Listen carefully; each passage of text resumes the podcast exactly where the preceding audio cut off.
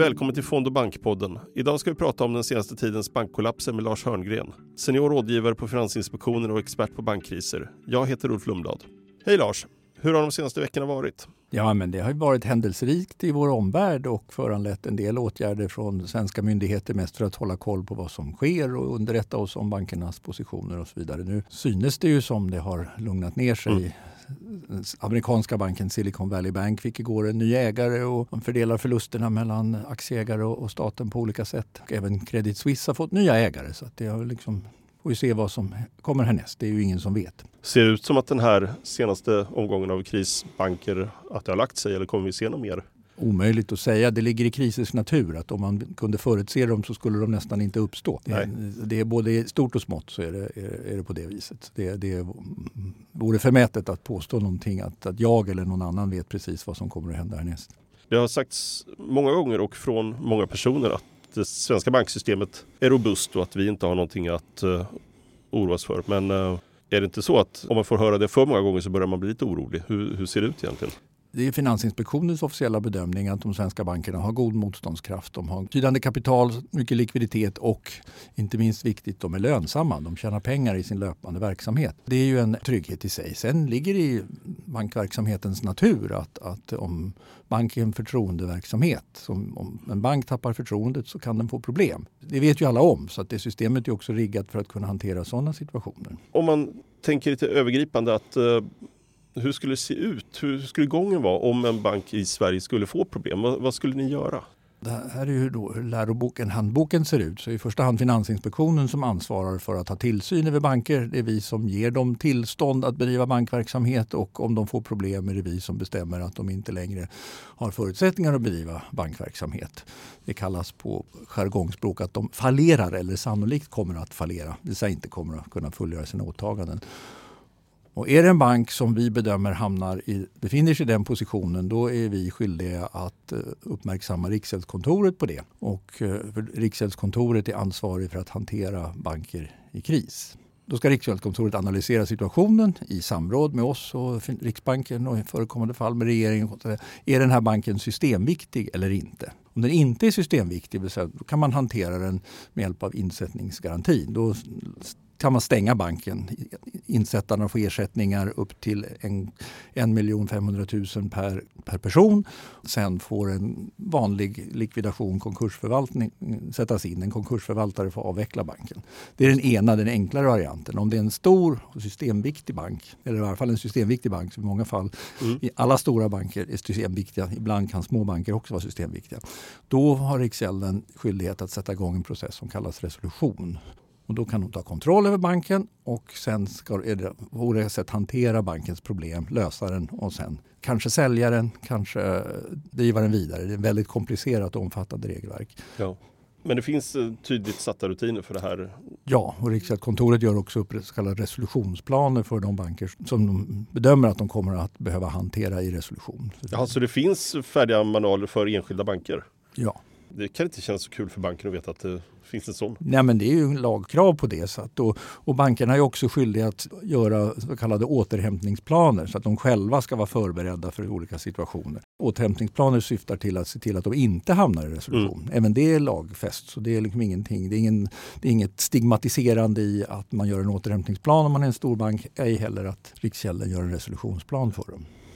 Eh, sist vi hade allvarliga problem här på hemmaplan, det var ju 15 år sedan, 2008. Vi var inte ensamma om att ha problem då, men hur, vad har hänt sedan dess? Det har ju kommit väldigt mycket nya regelverk. Erfarenheterna från 2008 i Sverige men framförallt i omvärlden är just det som ledde till att de bestämde sig för att införa det här resolutionsregelverket. Det bygger på först internationella överenskommelser och sen har de överförts i EU-regler. Det finns ett EU-direktiv om, om eh, resolution. Så 2008 så togs väl svenska myndigheter och andra myndigheter ganska mycket på sängen och var tvungna att införa en bankstödslag. Det var, gick väldigt fort. Det var remisstider på 18 timmar och man gick från regeringsförslag till riksdagsbeslut på väldigt kort tid. Ja. Så då behövde man improvisera. Erfarenheterna, framförallt i andra länder, var att så här kan vi inte ha det utan vi måste vara mer förberedda. Och det var också inte i Sverige men i många andra länder fick ju finanskrisen 2008 väldiga följder för statsfinanserna. Irland Gud ja, ja. Spanien, Portugal och Island ska vi inte tala om, Nej. hamnade ju liksom i statsfinansiella problem. Så de, inte riktigt, de klarade sig inte. På, så det vill man inte se igen. Det är ett politiskt krav på att se till att bankkriser inte får sådana konsekvenser som förra gången. Därav har vi fått det här resolutionsregelverket. Kommer resolutionsregelverket att klara av en kris? Det ligger i sakens natur att det är oväntade problem som dyker upp. Det är en viktig fråga och det har inte riktigt prövats i Europa. Det har inte provats på någon stor bank i Europa. Alltså, Schweiz hade ju en stor bank häromveckan men de har ju inte, de är inte, Schweiz är inte med i EU så de har inte samma regelverk. Man har planerat så gott man kan och förberett sig och sen får man, ligger det i krisens natur att den innehåller saker som man inte har förberett sig på. Då får man förmodligen möjligen improvisera men den dagen den sorgen. Så. Om man ser tillbaka både 2008 och 1992 som var finanskrisen innan så, så var det väldigt snabba ryck. Det kom fram som du sa en bankstödslag på extremt kort tid och, och man gjorde samma sak både 92 och 2008 att ta fram nya regelverk. Är, är det det vi har att förvänta oss också framöver? Nej, det borde inte behövas. eh, På, så I varje fall enklare bankkriser borde kunna hanteras i det här ramverket. Men det är klart att det är inte någon, någon officiell myndighetsuppfattning. Men om jag säger att det vore svårt att säga alla, sätta alla sam, sto, svenska storbanker i resolution samtidigt så är det inte någon stor sensation. Nej. Riksgäldskontoret har fortfarande ansvar att göra, följa regelverket men, men det är klart att det, det ligger i, i krisers natur att de innehåller oväntade element. Och man kan förbereda sig för mycket men man kan inte förbereda sig för allt.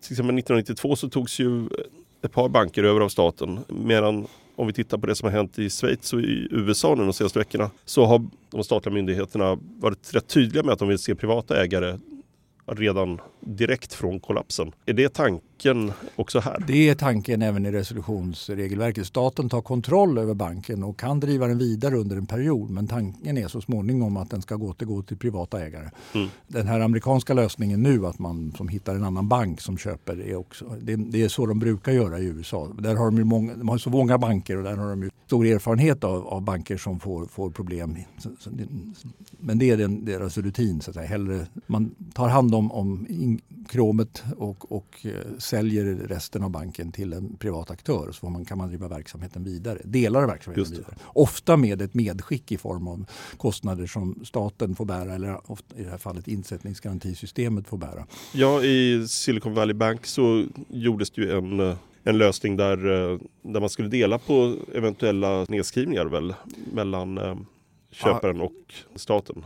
Ja, så att det, blir en kostnad för insättningsgarantisystemet mm. som, som kommer att eh, tas ut i form av ban, ba, avgifter på de andra bankerna. Men Just det är klart att det är ändå en samhällskostnad som, som där uppstår som på något sätt kommer att komma tillbaka. Men det är inte en budgetkostnad för, för den amerikanska staten, det, den lösning man nu har. Och som vi varit inne på tidigare så det svenska banksystemet är stabilt. Men hur skulle en kris kunna uppstå här? Talar i väldigt generella termer. Man kan ju titta på det som hände 92 var ju att svenska banker hade ägnat sig åt tämligen vårdslös kreditgivning framförallt till kommersiella fastigheter och plötsligt upptäckte man att de där fastigheterna inte var värda så mycket som man hade lånat ut och då blev det stora förluster. Då hade ju bankerna kapitalproblem, det vill säga de hade inte tillräckligt stora Eh, buffertar för att få möjlighet att driva vidare. Då måste man rekapitalisera banken. I en sån situation ja, då finns regler i resolutionsregelverket om hur man sätter in nytt kapital, ska plocka fram nytt kapital i en bank. Det är det ena scenariot. Jag gör ingen prognos här. Det andra scenariot är det som hände 2008. Då, var det banken, då hade bankerna inte gjort några förluster. Det fanns osäkerhet för de som kommer ihåg eh, om vad, vad läget i, i Baltikum. Men det var ändå så pass liten del av bankernas verksamhet att det inte var ett riktigt soliditet likviditetshot, kapitalhot för bankerna och så småningom gick det ganska bra. Då behövde de likviditetsstöd, säga de behövde lån mot säkerheter. Just. Det är det andra grundfallet av bankkriser. Så 92 var en variant, 2008 var en annan variant. Och sen är det ju när det gäller enskilda banker, det som hände nu i Schweiz och, och i Silicon Valley Bank var ju att de hade likviditetsproblem. Men som, som, man kunde se att det här flyger inte. De kommer förr eller senare att få kapitalproblem, gör så stora förluster, vi måste göra någonting. Ja, Silicon Valley Bank var ju nästan lite nostalgiskt med en bankrun som vi inte sett på länge. Har vi någon motsvarande händelse i, i Sverige som det hände 2008 att det var vissa uttag från banker men det var inga uttagsanstormningar. Men i Storbritannien de hade de hade en bank som heter Northern Rock som hade en klassisk bankrun. Mm. Eh, så, så i andra länder hände det men i Sverige var ju finanskrisen 2008 ganska, ganska mild. Mm. Och 1992 så ingrep ju staten med en generell garanti för alla åtaganden, annat än, alla åtaganden för banker innan det hann bli någon oro. Och den garantin vann trovärdighet lyckligtvis. Väldigt lik den lösningen som Federal Reserve gjorde nu för några veckor sedan. Då. Ja, fast det var det för en enskild bank. Här var det ju alla åtaganden på alla svenska banker. Det var en ganska stor grej. Liksom, sätta statsfinanserna bakom eh, garantin. Mm. Och det, det, gick ju bra. Men Irland försökte sig på samma sak. Men det gick inte bra. Bland annat därför att förlusterna var sju gånger större i förhållande till BNP. Så irländska staten kunde liksom inte trovärdigt upprätthålla den där garantin. Och då blev det räddningspaket från IMF och EU och sånt. Så det är, som blir det, det är stora, stora insatser som kan behövas. Där ser man både 1992 i Sverige och eh, eh, krisen i Irland hade ju med kommersiella fastigheter och bankutlåning att göra. Mm. Och ni på Finansinspektionen har ju nämnt det med något av en dåres envishet att bankerna har en risk i just utlåning till kommersiella fastigheter. Varför kan inte bankerna lära sig det där? Vi uppfattas inte som dåraktigt att upplyfta det. Men, men, men, nej, men det är lära sig eller inte. Det, det vi har också uppmärksammat är att en stor del av eh, fastighetsföretagens upplåning har nu under en lång tid, eller en senare år skett i obligationer. Inte bara banker som, som har gett eh, lån. Så mm. vår, vår grund, grundanalysen är att, att kommersiella fastighetsföretag drivs med hög, hög skuldsättning. Och där, det gör dem känsliga för ändrade omständigheter som högre räntor och så vidare. Mm. Så att, att det är, är, eh, vi har lagt på bankerna extra kapitalkrav på grund av, av, av detta. Så vi hoppas att det ska vara tillfyllest. Att, eh, men, men det är en, en, en orosfaktor i den, i den miljö vi, har, vi lever i. Ja, för det där har ju påpekats under ganska många år också utan att det kommer ner särskilt mycket. När vi ändå är inne på den delen så det pratas om moral hazard ibland. Att eh, det skyddssystemet som vi har idag uppmuntrar till oansvarigt risktagande. Om man ska sammanfatta det lite grovt. Måste det vara så? Eller för det, det är väl ingen som har riktigt lyckats lösa det problemet hittills? Nej, inte, lösa kanske man inte har gjort men det, grundreglerna för banker att de har kapitalkrav, att de har likviditetskrav, att det är en massa rörelseregler, det kräver tillstånd och så vidare är i sig ett sätt att minska moral hazard. Den enkla förklaringen är att, att om man har höga, högre kapitalkrav så får ägarna till banken riskera mer pengar i, i verksamheten och därmed skulle de, är tanken att de ska agera mer försiktigt eller få företagsledningen att mm. styra banken med, med högre grad av, av försiktighet. Det finns även inom eh, resolutionsregelverket särskilda regler om, om hur man ska se till att de som har lånat ut pengar till banker på annat sätt än via inlåning ska kunna få ta del av, av förlusterna. Så det är sätt att, då ska, där, vet de att de löper risk att bli av med sina pengar så kommer de vara mer försiktiga med att låna ut dem och så kommer banksystemet inte bli så stort och bankerna kommer inte kunna låna så billigt. Så det, sånt är tänkt att, att minska de här moral hazard-effekterna. Ja, det var ju mycket diskussioner kring obligationslån eller AT1-obligationer framförallt.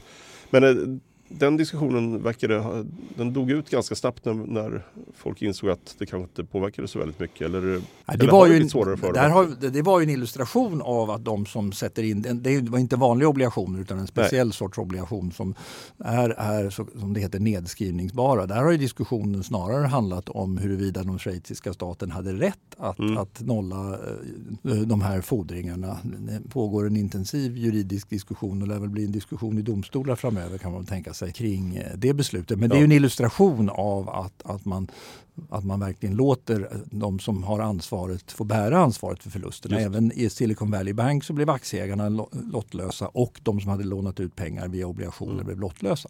Så det är markeringar av att, att ge lån, sätta in pengar i banker, att ge lån till banker vid sidan av inlåning är en riskfylld verksamhet och det är medlet att hålla nere moral hazard-effekterna. Sen eh, om man ser lite vidare. Eh, du har sagt förut att eh, det inte är givet att nästa finanskris är en bankkris utan att det kanske kommer från andra former av krediter. Alltså, vi har ju en helt annan finansmarknad idag än vad, än vad det var för bara 10-15 år sedan. Hur påverkar det? Har vi ett eh, regulatoriskt underskott gentemot den nya typen av verksamheter? Eller? Svårt att säga, men det man kan notera är att väldigt betydande del av, av utlåningen i företagssektorn har flyttat från bankfinansiering till obligationsfinansiering. Mm.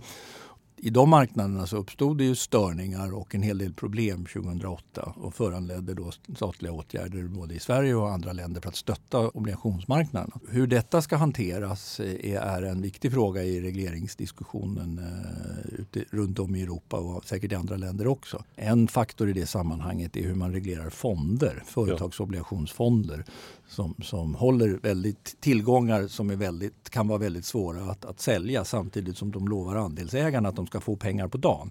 Den kombinationen är inte alldeles självklart stabil. Nej. Så hur det ska hanteras. Men det, det, erfarenheterna från 2008 håller nu på att liksom bearbetas i, i regleringsmaskineriet. Som alla kriser leder till nya regleringar, i alla fall översyn av, av regleringarna. När det är kris då måste man agera handfast och ta hand om situationen. Men sen får man börja fundera på hmm, vad ska vi lära oss av det här? Det är vad som pågår tror jag när det gäller företagsobligationsmarknader obligationsmarknader i stort ute i världen. Mm.